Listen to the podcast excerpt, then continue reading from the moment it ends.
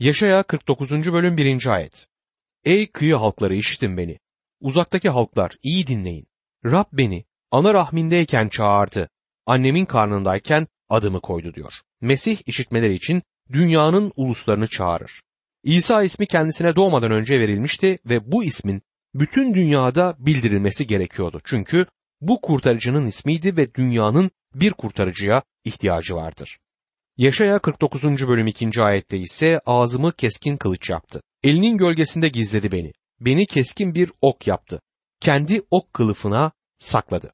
Ağzından çıkan keskin kılıç tanrı sözüdür ve yeryüzündeyken düşmanlarının açıklaması Yuhanna 7. bölüm 46. ayette görevler hiç kimse hiçbir zaman bu adamın konuştuğu gibi konuşmamıştır karşılığını verdiler ayetinde bulunmaktadır. Ve bu kişi hakkındaki vahiy şu sözlerle son bulur. Vahiy 19. bölüm 15. ayette. Ağzından ulusları vuracak keskin bir kılıç uzanıyor. Bu dünyadaki ulusların Tanrı sözü aracılığıyla yargılanmasıdır. Tanımlamaya dikkat ediniz. Yaşaya 49. bölüm 3. ayet. Bana kulumsun ey İsrail, görkemimi senin aracılığınla göstereceğim dedi. Bu İsrail ulusu hakkında doğru olacaktı ve Mesih hakkında da doğrudur. Şimdi bu dikkat çekici bir sözdür. Yaşaya 49. bölüm 4. ayet. Ama ben boşuna emek verdim dedim. Gücümü boş yere bir hiç için tükettim. Rab yine de hakkımı savunur. Tanrım yaptıklarımın karşılığını verir. Rab reddedilmiş olduğu ve boş yere uğraşmış gibi göründüğü halde güveni Tanrı'dadır. Rab İsa Mesih'in ölümü bile bir zaferdi. Hatta dünyanın şimdiye kadar görmüş olduğu en büyük zaferdi. Bu yüzden bu bölümde acı çeken hizmetkar vurgulanmaktadır. İlk gelişinde onu reddettiklerinden İsrail'i bir araya getirmedi. İlk gelişinde çok daha harika bir şey gerçekleştirdi. Dünyanın kurtuluşunu gerçekleştirdi. Bu yüzden Tanrı'nın amaçları insanın küçük entrikalarıyla bozulmamıştır. Yaşaya 49. bölüm 5. ayet. Kulu olmam için Yakup soyunu kendisine geri getirmem, İsrail'i önünde toplamam için rahimde beni biçimlendiren Rab şimdi şöyle diyor. Onun gözünde onurluyum. Tanrım bana güç kaynağı oldu. Bunu size Tanrı sözündeki en dikkat çekici parçalardan biri olarak sunmak istiyorum. Yaşaya 49. bölüm 7. ayet. İnsanların hor gördüğüne, ulusların iğrendiğine, egemenlerin kulu olana, İsrail'in kurtarıcısı ve kutsalı Rab diyor ki, seni seçmiş olan İsrail'in kutsalı sadık Rab'den ötürü, krallar seni görünce ayağa kalkacak, önderler yere kapanacak. Pavlus bunu Romalılar 11. bölüm 12. ayette şu şekilde dile getirir.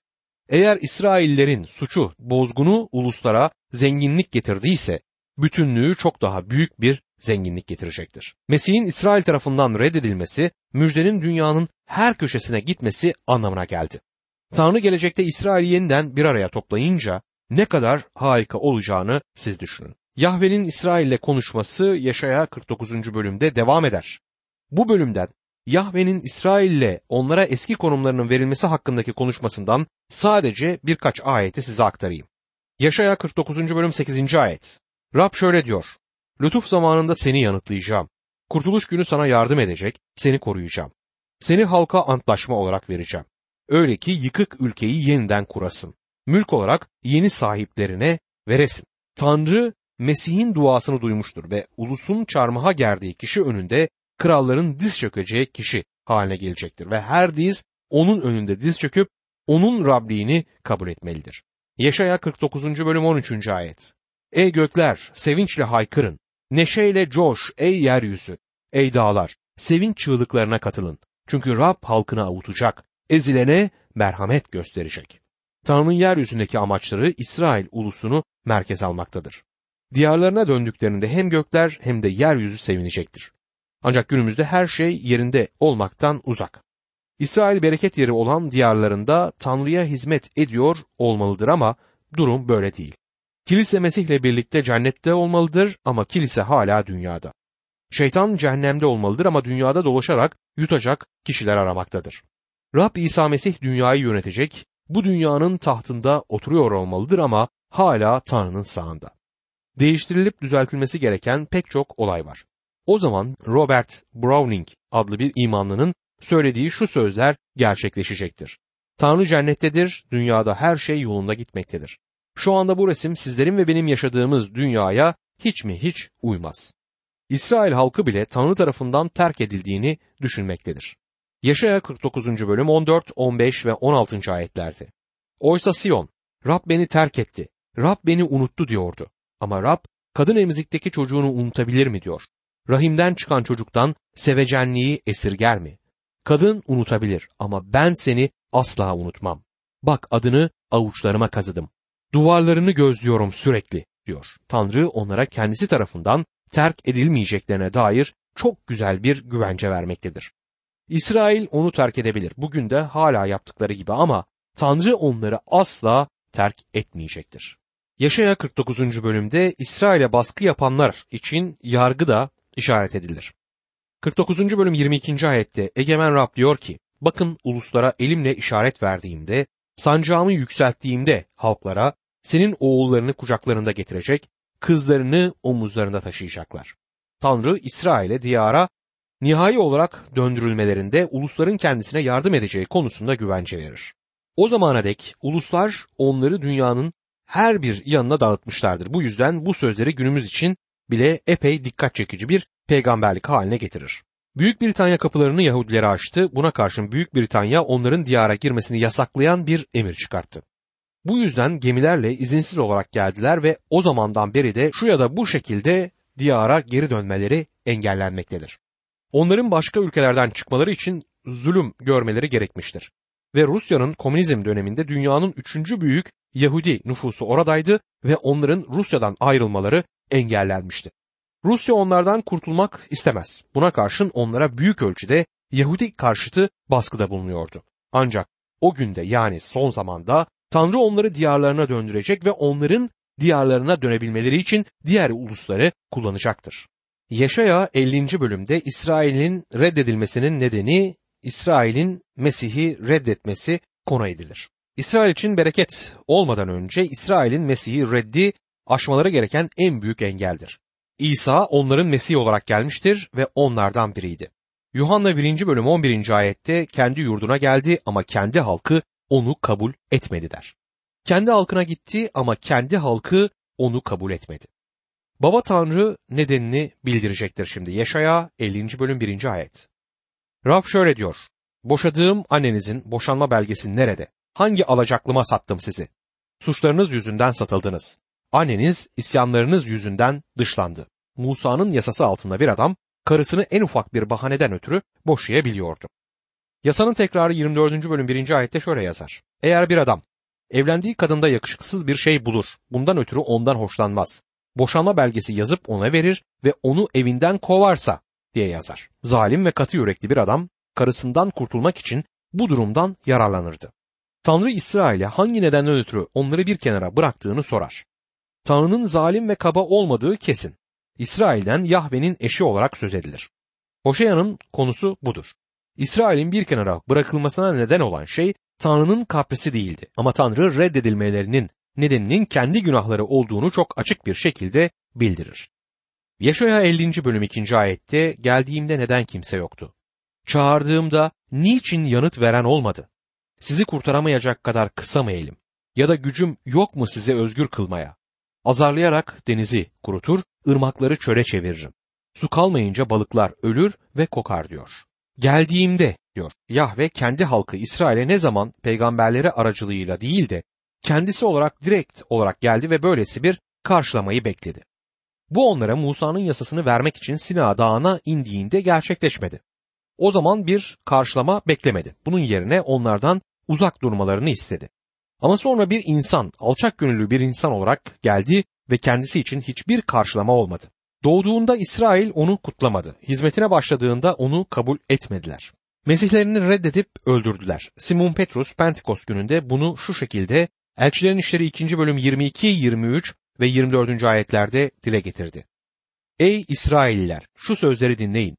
Bildiğiniz gibi Nasıralı İsa Tanrı'nın kendisi aracılığıyla aranızda yaptığı mucizeler, harikalar ve belirtilerle kimliği kanıtlanmış bir kişidir. Tanrı'nın belirlenmiş amacı ve öngörüsü uyarınca elinize teslim edilen bu adamı yasa tanımaz kişilerin eliyle çarmıha çivileyip öldürdünüz. Tanrı ise ölüm acılarına son vererek onu diriltti. Çünkü onun ölüme tutsak olması olanaksızdı diyor. Tanrı onların mesihlerini reddettiklerinden ötürü bir kenara bırakıldıklarını çok açık bir şekilde bildirir. İsa Mesih'in alçaltılmasından söz edilmektedir. Yaşaya 50. bölüm 4. ayet. Yorgunlara sözle destek olmayı bileyim diye egemen Rab bana eğitilmişlerin dilini verdi. Eğitenler gibi dinleyeyim diye kulağımı uyandırır her sabah diyor. Kusursuz hizmetkar Mesih'in Tanrı'ya hitap ettiği ünvan çok açıklayıcıdır. Ona Yahve, Adonay diye hitap eder. Rab İsa Mesih kendisini halkına Yahve Adonay olarak tanıtmıştı. Babanın isteğini yapmak üzere alçak gönüllü ve yumuşak huylu bir şekilde geldi. Öğrenci gibi dinlemem için kulağımı uyandırır her sabah sözleri Rab İsa'nın Tanrı sözünü etüt etmekte olduğu anlamına gelir. Rab İsa hayatının ilk 30 yılında ne yaptı sorusu sorulmaktadır. Genelde verilen yanıt marangoz olarak çalıştığıdır. Ama bu gerçeğin sadece yarısı. Diğer yarısı Tanrı sözünü etüt etmiş olmasıdır. Bu harika. Eğer onun Tanrı sözünü etüt etmesi gerektiyse bizim durumumuzun ne olması gerektiğini size soruyorum. Bence Tanrı sözünü çalışmaya hemen başlamalıyız. Kutsal kitabı çalışmayarak kutsal kitaba baştan sona kadar inanıyorum. Onu hayatımda savunurum demeniz saçma olur. Tanrı yaratılış 1. bölüm 1. ayet ile vahiy 22. bölüm 21. ayet arasındaki sayfalarda konuşmuşsa o zaman buralarda bir yerlerde size ve bana söylemek istediği bir şey var demektir. Tanrı bizimle konuşuyorsa bizim dinlememiz gerekir. Yaşaya 50. bölüm 5. ayet. Egemen Rab kulağımı açtı. Karşı koymadım, geri çekilmedim diyor. Bu Rab'in çarmıha gerilişe kendisini gerçekten teslim edişinden söz eder. Mısır'dan çıkış 21. bölüm 1 ile 6. ayetlerde bir köle hayatının sonuna kadar köle kalmayı istediğinde efendisinin onun kulağını deldiği yazar. Çıkış 21. bölüm 6. ayette efendisi onu yargıç huzuruna çıkaracak. Kapıya ya da kapı sövesine yaklaştırıp kulağını bizle delecek. Böylece köle yaşam boyu efendisine hizmet edecek diye yazar. Bundan sonra bir küpe takacaktı ve taktığına eminim. Bu küpe hayatının sonuna dek efendisinin kölesi olduğunu gösteriyordu. Hayatının sonuna dek köle olmayı seçmesinin iki tane nedeni vardı. Birincisi efendisini sevmesiydi ve ikincisi de bir köle kızla evlenmiş olması ve onsuz salı verilmeyi reddetmesiydi. Bunun Rab İsa'ya uyarlanışını görmemiz gerekir. Bu gelenekten söz eden mezmur yazarı kulaklarımı açtın der. 40. mezmur 6. ayetti. Bunun İbraniler 10. bölüm 5. ayette nasıl aktarıldığına dikkat edin. Bunun için Mesih dünyaya gelirken şöyle diyor. Kurban ve sunu istemedin ama benim için bir beden hazırladı. Mezburda kulağımı açtın derken İbraniler'de benim için bir beden hazırladın der. Rab İsa yeryüzüne gelip çarmıha gittiğinde kulağı açılmadı ya da delinmedi. Kendisine bir beden verildi ve bu beden bir çarmıha çivilendi. Cennete üzerinde çivi izleri olan yüceltilmiş bedeniyle döndü. Kulağının delinmesinden daha fazlasını yapmıştır. Bedenini çarmıha gerilmek üzere teslim etti. Çünkü bizleri sevdi ve cennete biz olmadan dönmek istemedi. Yaşaya 50. bölüm 6. ayette bana vuranlara sırtımı açtım. Yanaklarımı uzattım sakalımı yolanlara. Aşağılamalardan, tükürükten yüzümü gizlemedim diyor. İsa tutuklandığında aynen bu gerçekleşti. Matta, Markos ve Yuhanna üzerine tükürüldüğünü, kırbaçlandığını, aşağılanıp yumruklandığı gerçeğine tanıklık etmektedir. Bu üzerinde düşünmekten hoşlanmadığımız ve geçiştirmek istediğimiz bir şey ama bunlar harfi harfine gerçekleşti. Kutsal ruh Tanrı'nın hizmetkarına güvenmemiz ve onda dinlenmemiz için sakinleştirici ve rica eden bir biçimde bu ayet aracılığıyla bizimle konuşur. Bundan dönüp bize uyarıcı bir söz de iletir. Yaşaya 50. bölüm 11. ayet. Ama ateş yakan, alevli oklar kuşanan sizler, hepiniz ateşinizin aydınlığında tutuşturduğunuz alevli okların arasında yürüyün. Benden alacağınız şudur. Azap içinde yatacaksınız. Önce onlara rica ederken yatıştırıcı bir şekilde konuşur. Sonra dünyanın ışığı olan kişiyi reddederek kendi ateşlerinin ışığında yaşayanlara uyaran sözü iletir. Bir süre önce bir adam bana seni radyoda dinledim ve kurtuluş konusunda seninle aynı fikirde değilim. Sana bu konuda benim ne düşündüğümü söyleyeyim dedi. Bir ateş yakmaya hazırdı ve her ikimizin de oraya oturup kendi ateşinde ısınmamızı istiyordu. Bunun hiçbir ısı ya da ışık vermeyecek sahte bir ateş olduğunu biliyordu. Bunun üzerine ona kaba olmak istemiyorum ama senin ne düşündüğünü işitmek istemiyorum. Çünkü senin düşündüklerin ve benim düşündüklerim çok anlamsız. Bilmemiz gereken Tanrı'nın ne söylediğidir dedim. Ve bizlerin Rab İsa'nın ışığında yaşamamız gerekir. Dünyanın ışığı odur. Dünyanın ışığı olan kişiyi reddedersek o zaman genelde kendi küçük ateşimizin ışığında yaşarız. Kutsal ruh kendi o küçük ateşinizin yanında azap içinde yatacaksınız uyarısında bulunur. Bunun anlamı sonsuza dek kayıp olacağınızdır. Yeşaya 51. bölümde İsrail'in Tanrı'nın geçmiş ve gelecekteki amaçlarındaki yeri anlatılır. Bu bölümü Tanrı'nın gelecekte kilise ve sizler ve benim için bir amacı olduğu gibi İsrail ulusu için gelecekte bir amacı olduğunun bilincine varmadan okumak imkansızdır. 50. bölümün son ayetinin bir uyarıyla bittiğini size hatırlatmak isterim ve Tanrı bizlerin İsrail'in bir ulus olarak sonsuza dek bir kenara atıldığını ve Tanrı İsrail'den söz ettiğinde kilise demek istediği görüşünü taşımanızı istemem. Dostum Tanrı İsrail dediğinde İsrail demek ister. İsrail yerine kilise demek isteseydi bir yerlerde umarım beni yanlış anlamıyorsunuzdur. İsrail derken kiliseden söz ediyorum derdi. Hayır. İsrail'den söz ettiğini çok açık bir şekilde Tanrı bildirir. İsrail'in de küçük başlangıçta bir geçmişi olduğu gibi bugün de küçük ve bir kenardalar. Ama bu Tanrı'nın onları terk etmiş olduğu anlamına gelmez. Bunu canlandırmak için bir tren örneğini kullanırım. Tanrı dünyayı ikili bir programda yönetir. Bir tanesi 2. mezmur 6. ayette ve ben kralımı kutsal dağım Siyon'da oturttum der. Bu tren daha sonra gelecek ama şu anda yan hattadır. Ana hatta birçok oğlu yüceliğe getiriyor. Bu inanlılar yani kiliseden söz eden ayet bulunur. Bu tren istasyona vaktinde geldiğinde Tanrı o zaman yeryüzünde olacak İsrail'i ve diğer ulusları yeniden ana raya koyacaktır. Ve o treni de istasyona zamanında getirecek. Bu bölümde Tanrı sonsuz sabahın yakında gelmekte olduğunu bilsinler diye uyumakta olanları uyandırmak için çalar saati kullanır. Romalılar 13. bölüm 11 ve 12. ayetlerde bunu yaşadığınız zamanın bilincinde olarak yapın. Artık sizin için uykudan uyanma saati gelmiştir. Çünkü şu anda kurtuluşumuz ilk iman ettiğimiz zamankinden daha yakındır. Gece ilerledi, gündüz yaklaştı. Bunun için karanlığın işlerini üzerimizden atıp ışığın silahlarını kuşanalım der. İsrail'in başlangıcından bahsedilir Yaşaya 51. bölüm 1. ayette. Doğruluğun ardından giden, Rabbe yönelen sizler, beni dinleyin. Yontulduğunuz kayaya, çıkarıldığınız taş ocağına bakın der ayet. Dinleyin sözü Tanrı'nın çalar saati kullanmasıdır. Bu İsrail'de doğru olma özlemini çeken ve Tanrı'yı tanımayı arzulayan her içten yüreğe bir çağrıdır. Tanrı uyanın, beni işitin bir planım var demektedir. Yaşaya 51. bölüm 2. ayette atanız İbrahim'e sizi doğuran saraya bakın. Çağırdığımda tek kişiydi İbrahim ama ben onu kutsayıp çoğalttım der. Tanrı İbrahim Kildaniler ülkesinde putperestlik içerisindeyken ben onu çağırdım ve onun aracılığıyla neler yaptığıma bakın. Şimdi de sizin yüreğinizi ve yaşamınızı harekete geçirmek istiyorum der. İsrail'in geleceğine bir bakış yine Yaşaya 51. bölümde yer alır. Yaşaya 51. bölüm 4. ayette. Beni dinle ey halkım, bana kulak ver ey ulusum. Yasa benden çıkacak, halklara ışık olarak adaletimi yerleştireceğim der. Ey halkım İsrail'dir. Bu onları bekleyen görkemle ilgili bir ayettir.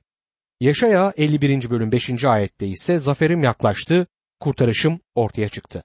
Halkları gücümle yöneteceğim. Kıyı halkları bana umut bağladı. Umutla gücümü bekliyorlar der. Doğruluğum yakındır. Doğruluk Mesih'tir. O bizler için doğruluk kılındı. Kıyı halkları ise insanların oturduğu bütün kıtalardır. Tanrı onlara yollayacağım bir kurtuluşum var der.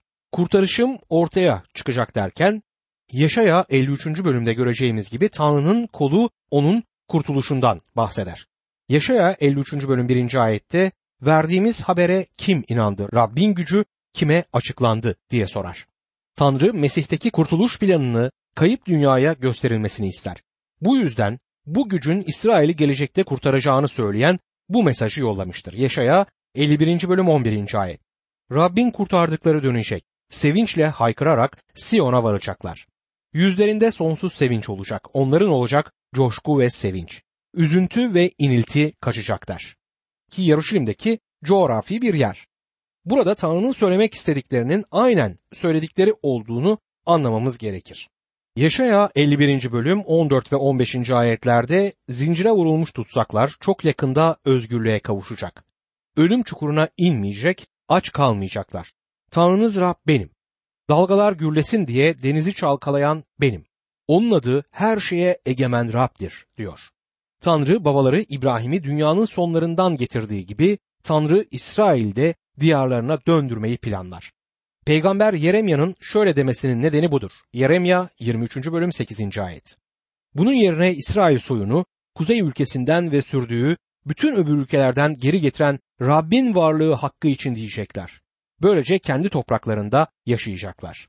İsrail'in gelecekteki kurtuluşları o kadar büyük olacak ki Mısır'dan kurtarıldıklarını hatırlamadıkları bir gün gelecekti. Dostum bu muhteşem bir hikayedir. Bunu bir kenara koyup görmezlikten gelemezsiniz. Tanrı uyanın, bakın işte bunları yapacağım der. İsrail'in şimdiki durumunun ana hatları da Yeşaya 51. bölümde görülür. İsrail'in şimdiki durumunun bize bir şey söylemesi gerekiyor. Tanrı bizlere hala uyanmamızı söylüyor. Yaşaya 51. bölüm 17. ayet. Uyan ey Yaruşilim, uyan kalk ayağa kalk. Uyan kalk ayağa, sen ki Rabbin gazap kasesini onun elinden içtin. Tamamını içtin sersemleten kasenin diyor. Bütün yapmanız gereken günümüz Yaruşilim'ine bakmaktır. Kargaşa içerisinde bir şehir görürsünüz. Bir zamanlar Davut'un sevdiği yer ve aynı zamanda Tanrı'nın da yeryüzünde en sevdiği yer olduğu halde orada sürekli olarak kalma konusunda artık arzu yoktur. Ama Tanrı orayı güzelleştirecek. Halkını hala oraya götürmeyi planlar. Tanrı uyan ey Yaruşilim. Seni büyük bir şehir yapacağım der. Yaşaya 51. bölüm 22. ayette Egemen Rab kendi halkını savunan Tanrın diyor ki seni sersemleten kaseyi gazabımın kasesini elinden aldım. Bir daha asla içmeyeceksin ondan. Tanrı Mesih'i reddetmelerinden ötürü bu gazap kasesini onların dudaklarına getirmekte ama kaseyi alacağı gün de gelecektir. Tanrı'nın yargısını onlardan çekip onları bereketleyeceği gün gelecek. Tanrı'nın İsrail ulusuyla işinin bittiğini kim söyleyebilir? Şiirsel adalet bile diyar ve halk üzerine bu kadar yıl yargı geldikten sonra Tanrı'nın onları bereketlemesini beklemektedir. Tanrı zaferi kazanacaktı ve burada bize söylediği de budur. Yaşaya 51. bölüm 23. ayette onu sana eziyet edenlerin eline vereceğim. Onlar ki sana yere yat da üzerinden geçelim dediklerinde sırtını toprak yol ettin diyor. Mısır, Perslerin ülkesi, Roma, İspanya, Belçika ve Almanya. Bu bölüm bugün inanlara Tanrı'nın İsrail'i daha iyi seçeceği ve bu saatte gerçekleşen kesin bir peygamberlik olmadığı halde yakın doğudaki olayların son zamana hızla yaklaşacağını belirtmektedir.